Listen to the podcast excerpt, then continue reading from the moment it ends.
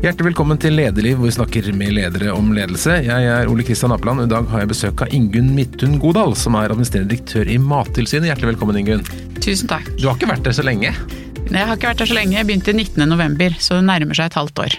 Og Mattilsynet er jo en etat alle kjenner til, men jeg tror ikke alle vet omfanget. Kan du beskrive litt hva dere driver med? Ja. Eh, vi er en organisasjon med ca. 1200 ansatte. Vi er til stede i hele landet. Vi jobber for å sikre trygg mat og trygt drikkevann, friske planter, fisk og landdyr, og god dyrevelferd. Og så skal vi bidra til bærekraftig produksjon og til verdiskapning i hele verdikjeden, fra jord, fjord til bord. Det er ganske omfattende. Det er det. Jobbe for tre departementer? Jobbe for tre departementer, så vi rapporterer til Landbruks- og matdepartementet, Helse- og omsorgsdepartementet og Nærings- og fiskeridepartementet. Så er det en spennende topplederjobb. Og hva var det som gjorde at du ville ha akkurat den jobben?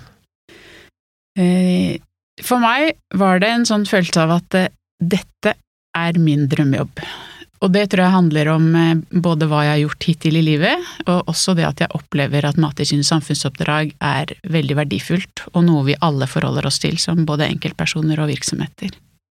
Og du har gjort hittil i livet, det er ganske mye forskjellig, men du har vært i, i DNV GL sist, med det var veldig fin tittel, Global Business Development Director Business Assurance. Det hørtes veldig flott ut. Hva, hva gjorde du der? Der hadde jeg ansvaret for forretningsutvikling eh, globalt innenfor den delen av Veritas som jobber med sertifisering og tredjepartsverifikasjon. Eh, og da var mat et av de områdene jeg jobbet med. Så da prøvde jeg å forstå globale trender knytta til eh, sertifisering av mat. Og kanskje også det å forstå hvor er det tillitsgap i samfunnet, og hvordan kunne vi som en uavhengig tredjepart bidra til å lukke de gapene når det gjelder tillit. Men du kom jo inn etter at tidligere leder måtte gå av, så er du litt sånn ryddepike? Eh, Riddervike er vel ikke noe jeg føler at eh, passer på meg, men jeg eh, Dere har fått litt, Etaten har fått litt kritikk? Vi er en organisasjon med et stort utviklings- og endringsbehov, eh, og det er noe jeg eh, trives med. Mm. Så det er på en måte en del både en del av det oppdraget jeg fikk, og også kanskje litt av grunnen til at jeg fikk jobben. Mm. At jeg har erfaring med, med utvikling og endring. Ja, for det var en KPMG-rapport som var ganske kritisk mot dere? Ja, så den fikk vi 10. Mm, desember. Eh, kort fortalt så var det Stortinget som bestilte en granskning av Mattilsynet i fjor sommer. Eh, og så gikk det oppdraget til KPMG, og så ble den rapporten levert i desember. Og der konkluderte de med åtte funn, eh, som er ganske grunnleggende for oss som tilsynsetat. Så da har du en arbeidsliste? Det er en betydelig arbeidsliste der, eh, men jeg opplever at det er mer på arbeidslista enn den eh, rapporten. For det er også en stor utvikling på det området som vi har ansvaret for å føre tilsyn med. Så digitalisering preger jo dette området mye. Bærekraft, eh, innovasjon og teknologi, og også dette med tillit er jo veldig viktig for en tilsynsetat. Så jeg trodde jeg hadde en endringsagenda før jeg begynte, eh, og så er den blitt større også med KPMG-rapporten. Mm. Og så kan du jo legge til korona nå, som blir et ytterligere endringsnivå, da. Men da du begynte der i november eh, som da toppleder for en stor etat, hadde du noen tanker om hvordan du ville være som leder? Eh, ja, jeg har jo vært leder i over 20 år, så jeg har ønsker å tenke at jeg har et bevisst forhold til det å være leder. Så er det min første topplederjobb, så det er på en måte en ny utfordring. Hvordan vil du at du ansatte skal oppfatte deg? Jeg vil at de skal oppfatte meg som tydelig, eh, og som åpen og ærlig. Og så vil jeg at de skal oppfatte at jeg har et langsiktig og strategisk perspektiv, Eh, og at jeg klarer å kombinere det med å få gjort ting i praksis. Så tenker jeg at den, den ledererfaringen jeg har til nå, eh, har lært meg at det aller viktigste du har, det er folka dine. Hvis du kan legge til rette for at de er seg selv på sitt beste, så får du skapt mest. Men det er en veldig eh, si, godt distribuert organisasjon. Du, får ikke sett alle så ofte? Nei, er, eh, vi er en godt distribuert organisasjon. Delt i fem regioner og, og folk rundt omkring der det er virksomhet som driver innafor vårt samfunnsoppdrag. Det tror jeg kanskje var en større utfordring før enn det er nå. Jeg tror jo korona har lært oss at det er utrolig hva vi kan få til, også med digital teknologi og nye kommunikasjonsformer. Og hvis vi ser litt fram, så tenker jeg kanskje at det er en asset for Mattilsynet. At vi kan eh, tiltrekke oss flinke folk uansett hvor de bor. Og få til samhandling på tvers gjennom bruk av digitale kommunikasjonsvirkemidler. Men du kom altså til en etat som, som har vært litt i motvind, har fått litt kritikk og sånn. Hvordan virker det på organisasjonen? Mm, jeg tror det virker på to måter. Jeg tror det kanskje er viktig å si at Mattilsynet var litt bortskjemt med å ha et godt omdømme, eh, være en etat som folk kjente til, og som folk hadde tillit til. Og sånn sett at det ble en, eh, en nesestyver eller en, en en oppvåkning, da, det å bli kritisert på den måten man nå har blitt. Eh, samtidig så er det jo kanskje noen ganger litt utfordrende å forstå um, hvor alvorlig kritikken er, eller hvor mye det haster å bli bedre. Altså denne burning platform eller sense of mm. urgency, som man sier på engelsk. Um, og der tror jeg det er litt begge deler. At uh, mange jeg møter er lei seg for at vi har fått den kritikken vi har fått, uh, og så er det samtidig noen som uh, kanskje ikke helt gir uttrykk for at de har forskjønt hvor alvorlig kritikken er. Mm.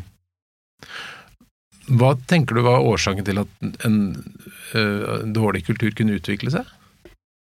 Um, Nå var jo ikke du der, da, men Nei, så det, tror jeg, det, det, er en veldig viktig begrensning ja. at jeg har ikke vært der. Jeg har jo vært i Mattilsynet tidligere, men mm. det var Jeg sluttet der i 2010, så det er jo ti år siden. Um, så det er vanskelig for meg egentlig å spå om hva som har vært, men jeg tenker jo mer generelt at uh, hvis man er vant til å være god, um, og hvis man har et monopol, sånn som man har i, i statlige virksomheter ofte, uh, så er det jo fare for at man kan bli litt avslappa, kanskje, eller, eller, tenke at eh, at ikke man kontinuerlig trenger å forbedre seg på samme måten som man, som man egentlig bør, da, mm. uavhengig av om man er i offentlig eller privat sektor. Og så skulle du sikkert da jobbe med den flotte arbeidslisten fra KPMG og mer, og så kommer koronaen og, og forandrer hverdagen din. Hvordan har det vært for dere? Det har vært eh, både spennende og eh, jeg vil si også energigivende, eh, og samtidig krevende. Kanskje veldig kort si litt om vår rolle nå i korona. Så vi har ansvaret for kritiske samfunnsfunksjoner knytta til kjøttkontroll, så det er ingen slakterier som kan ha åpent uten at vi er til stede. Vi har ansvaret for å kontrollere import av mat og fôr, og kjæledyr og andre dyr og vi har ansvaret for utstedelse av sertifikater for eksport av fisk og sjømat. Og dette er kritiske funksjoner som vi har vært opptatt av å eh, være, eh, klare å håndtere, også nå i forbindelse med korona. Så det har vært på en måte prioritet én, sikre at vi kan levere på det. I tillegg selvfølgelig å bidra i den nasjonale smittedugnaden, så fra midten av mars så har de som kan det, hatt hjemmekontor. Og så er det tredje, som jo også er veldig viktig for meg, eh, det er å ta vare på våre egne medarbeidere og hindre at de blir smittet. Mm. Så det har vært liksom de tre hovedprioritetene. Men eh, korona og mat, altså smitter korona gjennom mat? Nei, vi har ingen dokumentasjon på at uh, man kan bli sjuk uh, via mat, uh, og heller ikke at mat er en viktig smittevei. Så det ble veldig tydelig klart, og selv om det nå er over to millioner smittede i verden, så er det ingen til rapporterte tilfeller av smitte via mat. Men dere, dere er jo også inne på matsikkerhet og matleveranse. Har, er, har, sykdommen skapt noe fare for at det ikke skulle bli nok mat i landet? Eller har dere vært redd for det? Foreløpig har det gått veldig bra. Vi har ikke et direkte forsyningssikkerhetsansvar når det gjelder mat, men vi har jo oppgaver som er relatert til det å sikre at mat kommer inn i landet, eller at vi produserer mat i Norge. Så, men det er noe vi har hatt oppmerksomhet på eh, siden midten av mars. Hvordan kan vi skape forutsigbarhet, sånn at bønder tør å, å så og plante og dyrke som før, eh, og hvordan kan vi sikre at vi får importert varer, og hvordan kan vi bidra til at norsk fisk og sjømat fortsatt kan eksporteres. Og et område som det har vært liksom sidetema i forbindelse med korona, er dette med antibiotika og bruk av antibiotika i, i mat osv. Der er vi ganske flinke i Norge, er vi ikke det? Jo, det er jo et viktig tema. Vi kaller det én helse, eller One Health, altså sammenhengen mellom eh, human helse og dyrehelse. Eh, og det er et område som globalt er eh, mer oppmerksomhet rundt, og hvor dette med antibiotikaresistens er en viktig faktor. Og når det gjelder bruk av antibiotika, så er Norge i, i verdensklasse. Altså vi bruker lite. Mm. Eh, både på landdyrsiden og på fisk. Men sånn som i Italia, da har vi lest at mange var, har resistens mot antibiotika. Har det å gjøre med måten de behandler dyrene sine på? Det tør ikke jeg å si noe konkret om, men eh, når det gjelder antibiotikaresistens, så er man opptatt av den samlede bruken. Fordi hvis man blir litt eksponert hele tiden, så kan det utvikle resistens. Ehm, men jeg kan ikke nok om på en måte humanhelseperspektivet til å svare godt på spørsmålet. Men tror du at det dere har opplevd nå, eller vi alle opplever nå med korona, tror dere kommer til å endre uh, Mattilsynet, eller hvordan vi ser på matproduksjon i Norge sånn totalt? Det syns jeg er et veldig spennende spørsmål. Um, for oss har det jo vært viktig først å håndtere den akutte situasjonen, men så bruker vi nå tid på å forstå hva er the new normal, eller hvilken Eh, hvilken hverdag er det vi kommer tilbake til. Og hvis vi ser til SARS i Kina for åtte år siden, så lå Alibaba, som da var et netthandelsselskap, egentlig klar, eh, og da i forbindelse med SARS-utbruddet så ble det en enorm vekst i netthandel, eh, som ble et strukturelt skift, og som ikke har gått tilbake. Og tilsvarende så kan vi jo tenke oss, både i Norge, men også i EU og globalt, at det er ting vi endrer nå, som vi ikke kommer til å velge å slutte med eh, når korona er ferdig. Og da blir det jo viktig for oss som tilsynsetat å forstå ok, hva skjer med risikobildet når maten flytter fra dagligvare i butikk til netthandel, eller hva skjer eh, når folk kan møtes digitalt og ikke trenger å møtes fysisk. Eh, kanskje også spennende dette at en etat som oss har fått øve på det med hjemmekontor, hvor man kanskje tidligere har hatt et sånn tanke om at man skal kontrollere medarbeiderne, at de må møte på kontor og sånt. Så nå har vi sett at det, det går egentlig veldig greit, selv om alle sitter hjemme i hver sin stue, eller soverom, eller hvor de har sittet. Um, så jeg tror det er ting som vi opplever nå, som kommer til å fundamentalt endre samfunnet. I tillegg så er jeg nok veldig opptatt av dette med økonomiske forhold, altså hvordan næringer som sliter, eh, eller land som sliter, eller enkeltpersoner som sliter, da kan man jo se for seg at det kan bli mer svindel, mer kriminalitet, eh, at det blir viktig for oss å klare å oppdage det. Eller at vi må være mer forståelsesfulle overfor næringer som ikke har råd til å gjøre de umiddelbare tiltakene de hadde planlagt å gjøre, ut fra rett og slett et økonomisk perspektiv. Vet vi noe om uh, dette har endret folks tillit til, til mat og drikke? Altså, Har man blitt mer glad i norsk mat f.eks. For utenlands? Eh, det vet vi lite om. Vi har fått veldig mye spørsmål knytta til om man kan bli smitta via mat. Eh, den første diskusjonen som kom opp var smågodt før påske. Mm. Men, eh, og der har det vært veldig tydelig fra vår side, og også fra vitenskapsmiljøer i Europa, at det ikke er tilfellet. Men det, det, blir spennende å se. Jeg, jeg, opplever at vi kanskje ikke vet nok enda om, om hvor systematisk det blir, men Um, I Trøndelag for eksempel har vi sett at flere nå velger å, å holde sau eller geit selv. Uh, altså at det er litt sånn sjølbergingstendenser. Um, men hvor, hvor, omfattende det blir, uh, det gjenstår å se etter det. Det som mange forbinder med dere, er vel uh, disse, denne kontrollen på restauranter. Det er i hvert fall noe som ja. ofte har sett Mattilsynet. Er det en stor del av virksomheten? Smilefjes det er en viktig del av vår virksomhet. Vi er innom alle restauranter og serveringssteder én gang i året og utsteder et såkalt eh, smilefjes, eller surt fjes, da, litt avhengig av hvordan det står til. Eh, så vi gjør ca. 6000 av den typen tilsyn i året, eh, og det er en betydelig del av vår virksomhet som litt avhengig av om restauranter og serveringssteder har vært åpne, jo ikke har foregått nå, da, i, i den første perioden. Så dere må ut igjen til masse nye steder, eller? Eh, ja, vi skal ut igjen. Eh, noen steder har vi vært allerede, men, eh, men, det kommer jo til å bli en økning i den aktiviteten nå. Men det er ikke så lenge siden dere begynte med disse emojiene eller smilefjesene. Ja. Har det hatt en bra effekt? Det er en stigende regelverksetterlevelse, og vi opplever også at forbrukerne og politikerne er veldig glad i ordningen. Så er det jo alltid i en faglig etat som oss en diskusjon om om det er der, på restaurantene og serveringsstedene, at risikoen er størst, eller om vi skal bruke ressursene våre også andre steder. Mm. Men det er nok en ordning som er kommet for å bli. Men det er veldig få mennesker i Norge som egentlig blir syke av dårlig hygiene på restaurant og sånn, er det ikke det? Mm, det er generelt få som blir syke av mat i Norge, så vi har i, i veldig stor grad trygg mat, og vi har også i veldig stor grad trygg drikkevann, selv om vi har enkelttilfeller sånn som Askøy i fjor. Men en av disse oppgavene som du da har, som, som ikke er knyttet til korona, men det litt større bildet, er jo å modernisere og, og digitalisere Mattilsynet bl.a. Hvordan, hvordan, kan det se ut? Hvordan tenker du at digitalisering kan spille inn på et sånt tilsyn? jeg opplever at vi lever i en veldig spennende tid. Og da jeg var i, i DNVGL, så jobbet jeg mye med digitalisering. For så vidt også da jeg var i Nav. Og noe av det som er spennende med digitalisering, er at det er så tverrgående i hele samfunnet.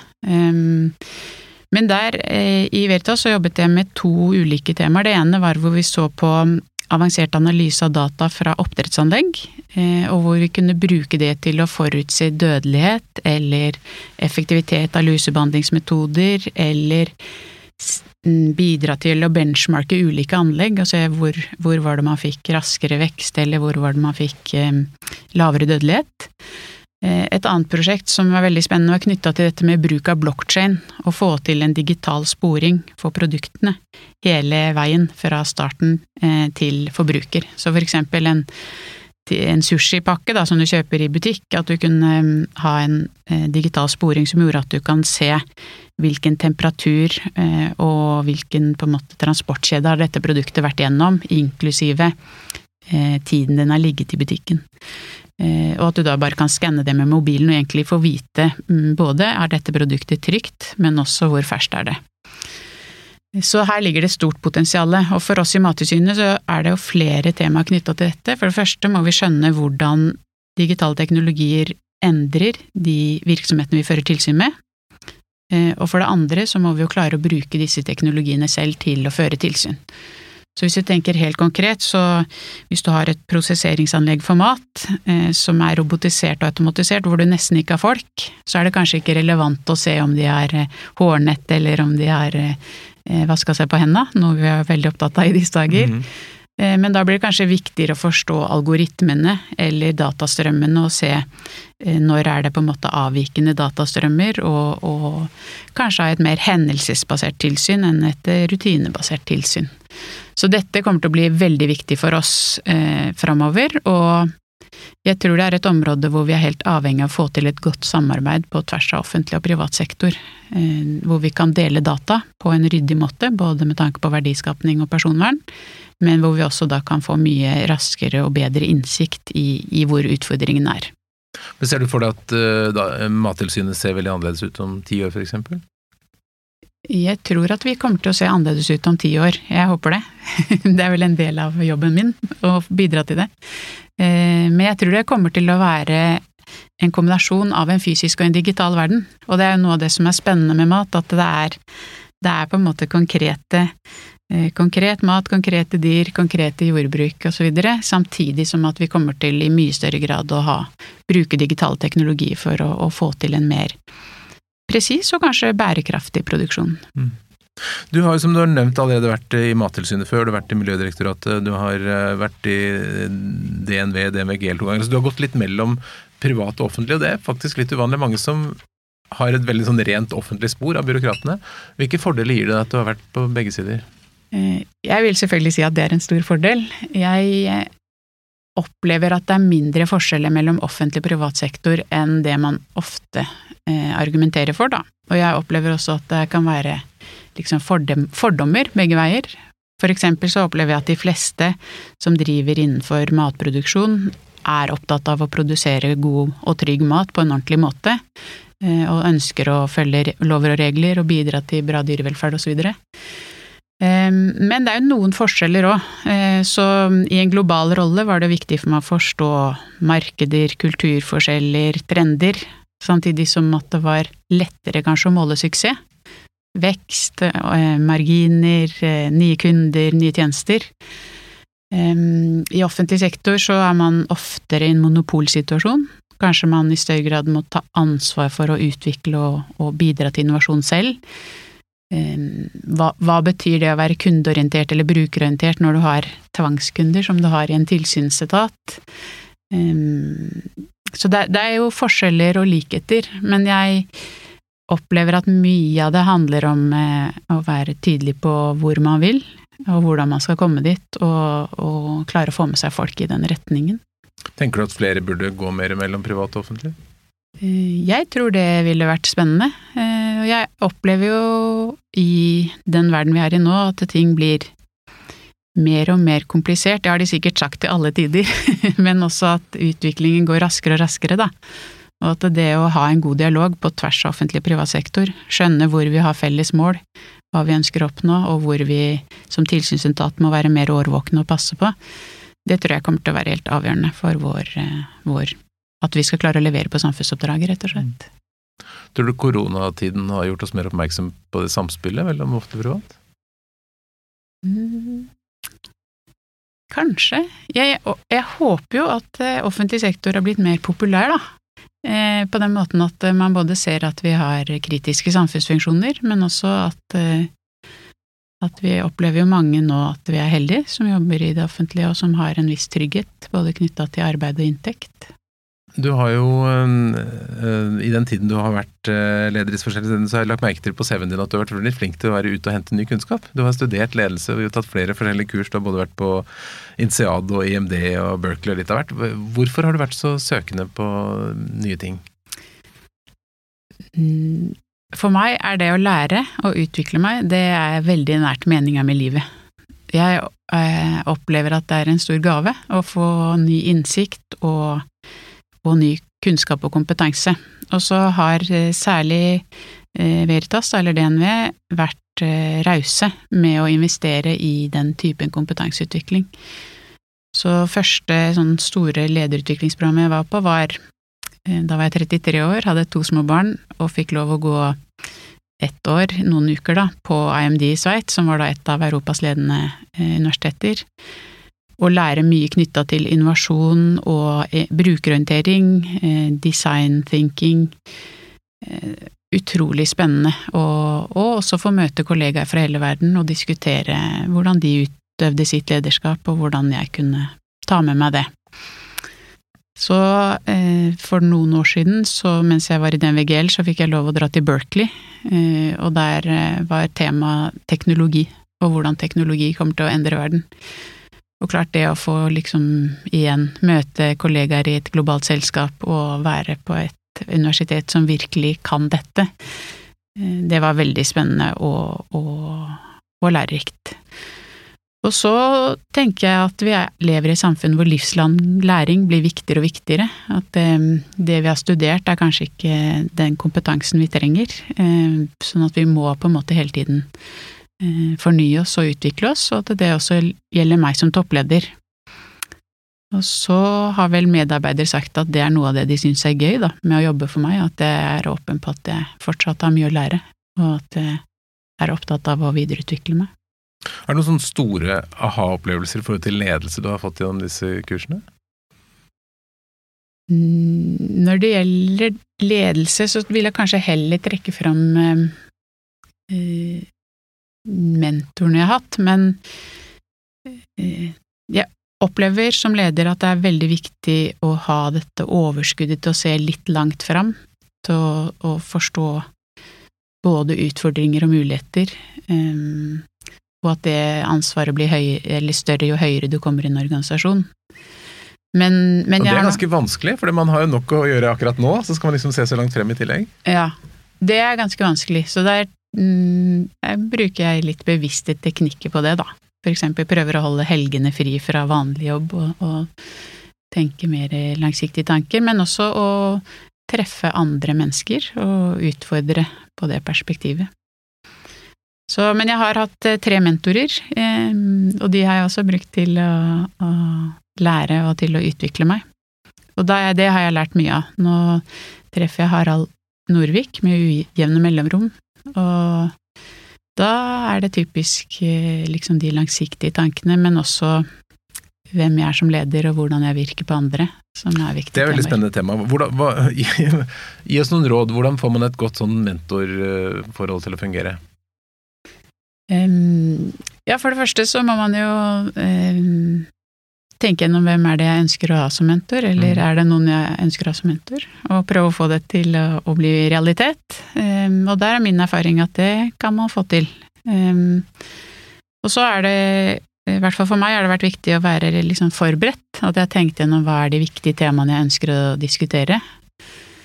Og så tenker jeg at en god mentor, og det er for så vidt noe jeg ønsker å gjøre som leder òg, er god til å lytte, og kanskje heller stille spørsmål enn å komme med svarene. Eh, men på en måte trigge tanker eh, og, eh, og refleksjoner knytta til hvordan man kan videreutvikle både seg selv og virksomheten og de medarbeiderne man har ansvaret for. Og hvordan bør det organiseres som praktisk? Hvor ofte bør man se, og hvor lenge? Det tror jeg er veldig individuelt. I relasjonen jeg har hatt, så har vi startet med å møtes en gang i måneden. Og så har vi avtalt at det skal være mm, et år, og så at vi skal ta en eh, reell vurdering om vi skal fortsette eller ikke.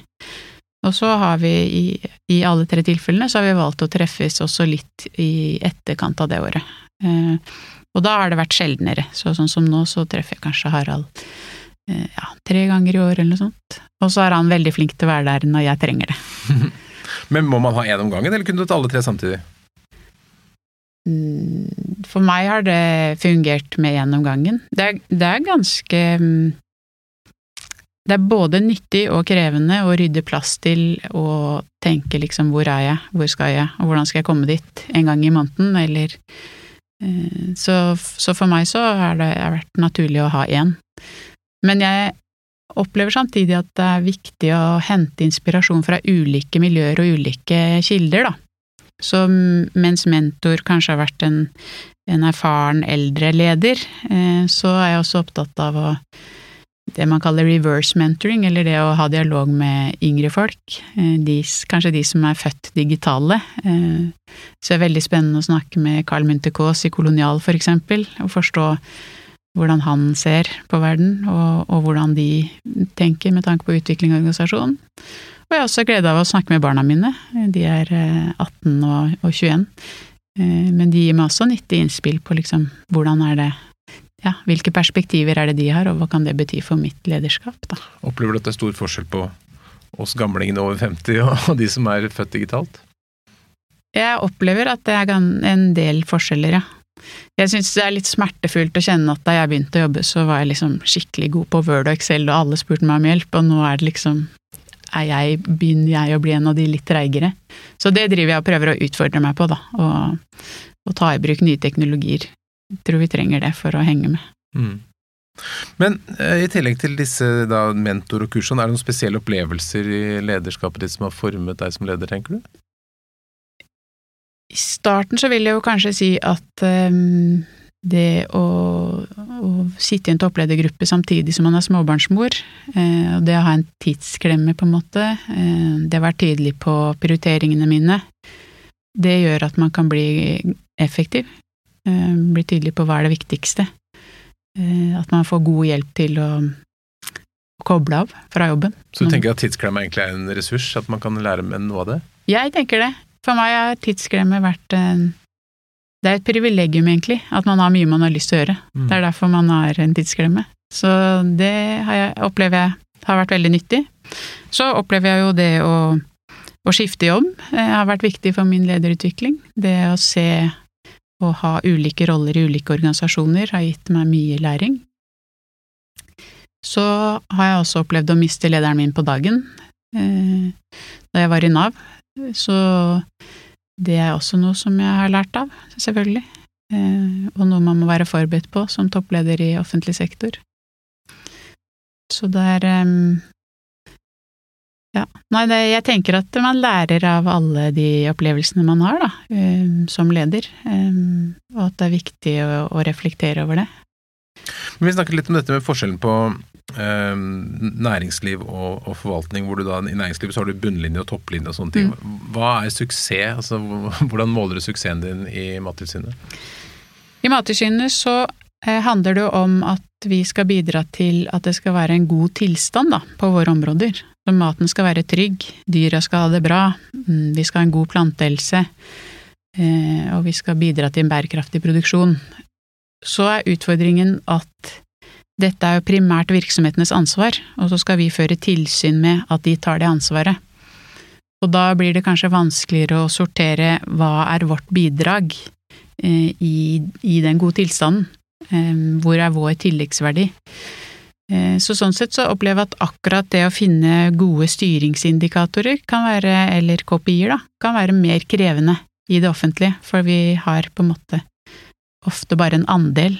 Um, samtidig som at det med å ha en god dialog med de av våre interessenter, enten det er forbrukere eller virksomheter eller andre, det er jo noe vi kan måle, og som er viktig for oss å levere på.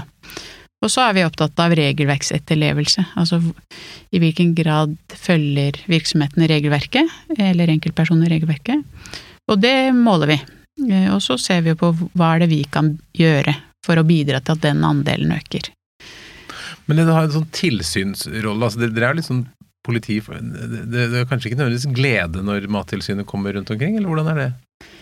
Nei, det, eh, det, er det nok ikke. Og der, eh, mm, det er et av de områdene også som KPMG tar opp i sin rapport. Det at vi må bli bedre i kommunikasjon på tilsyn, og at vi også må bli bedre på å veilede. Være åpne om hva som er de viktigste kravene i regelverket, for å gjøre det enklere for virksomhetene å gjøre rett.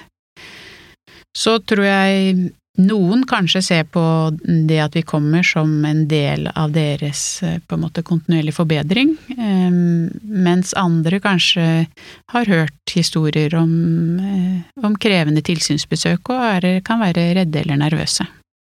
Så der tenker jeg at vi har et, et forbedringspotensial med å være på en måte forutsigbare og, og tydelige i kommunikasjonen på tilsyn, uten at det skaper eh, frykt. Så du vil gjerne at folk ikke skal være redde når dere kommer?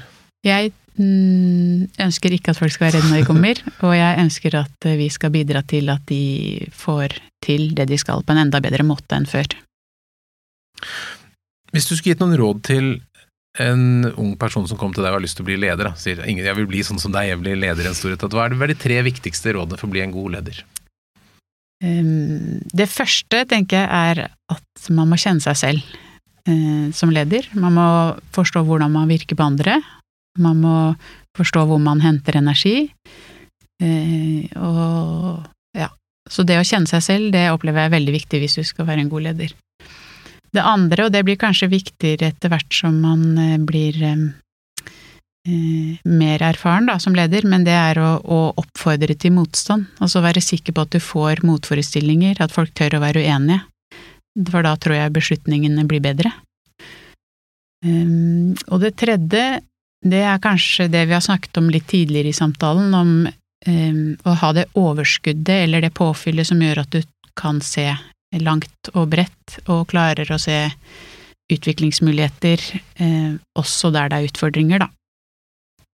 Og så, eh, jeg har en far som er et av mine forbilder, og han eh, har sagt til meg at um, hvis du gjør ting du trives med, blir du kvalifisert for jobber du har lyst på. Og det føler jeg at uh, i veldig stor grad har vært tilfellet for meg. At uh, det har kanskje ikke vært en rød tråd i utgangspunktet, men når denne jobben i Mattilsynet, uh, når jeg fikk mulighet til å være kandidat til den, så var det akkurat som at det ble skapt en rød tråd av de tingene jeg hadde gjort.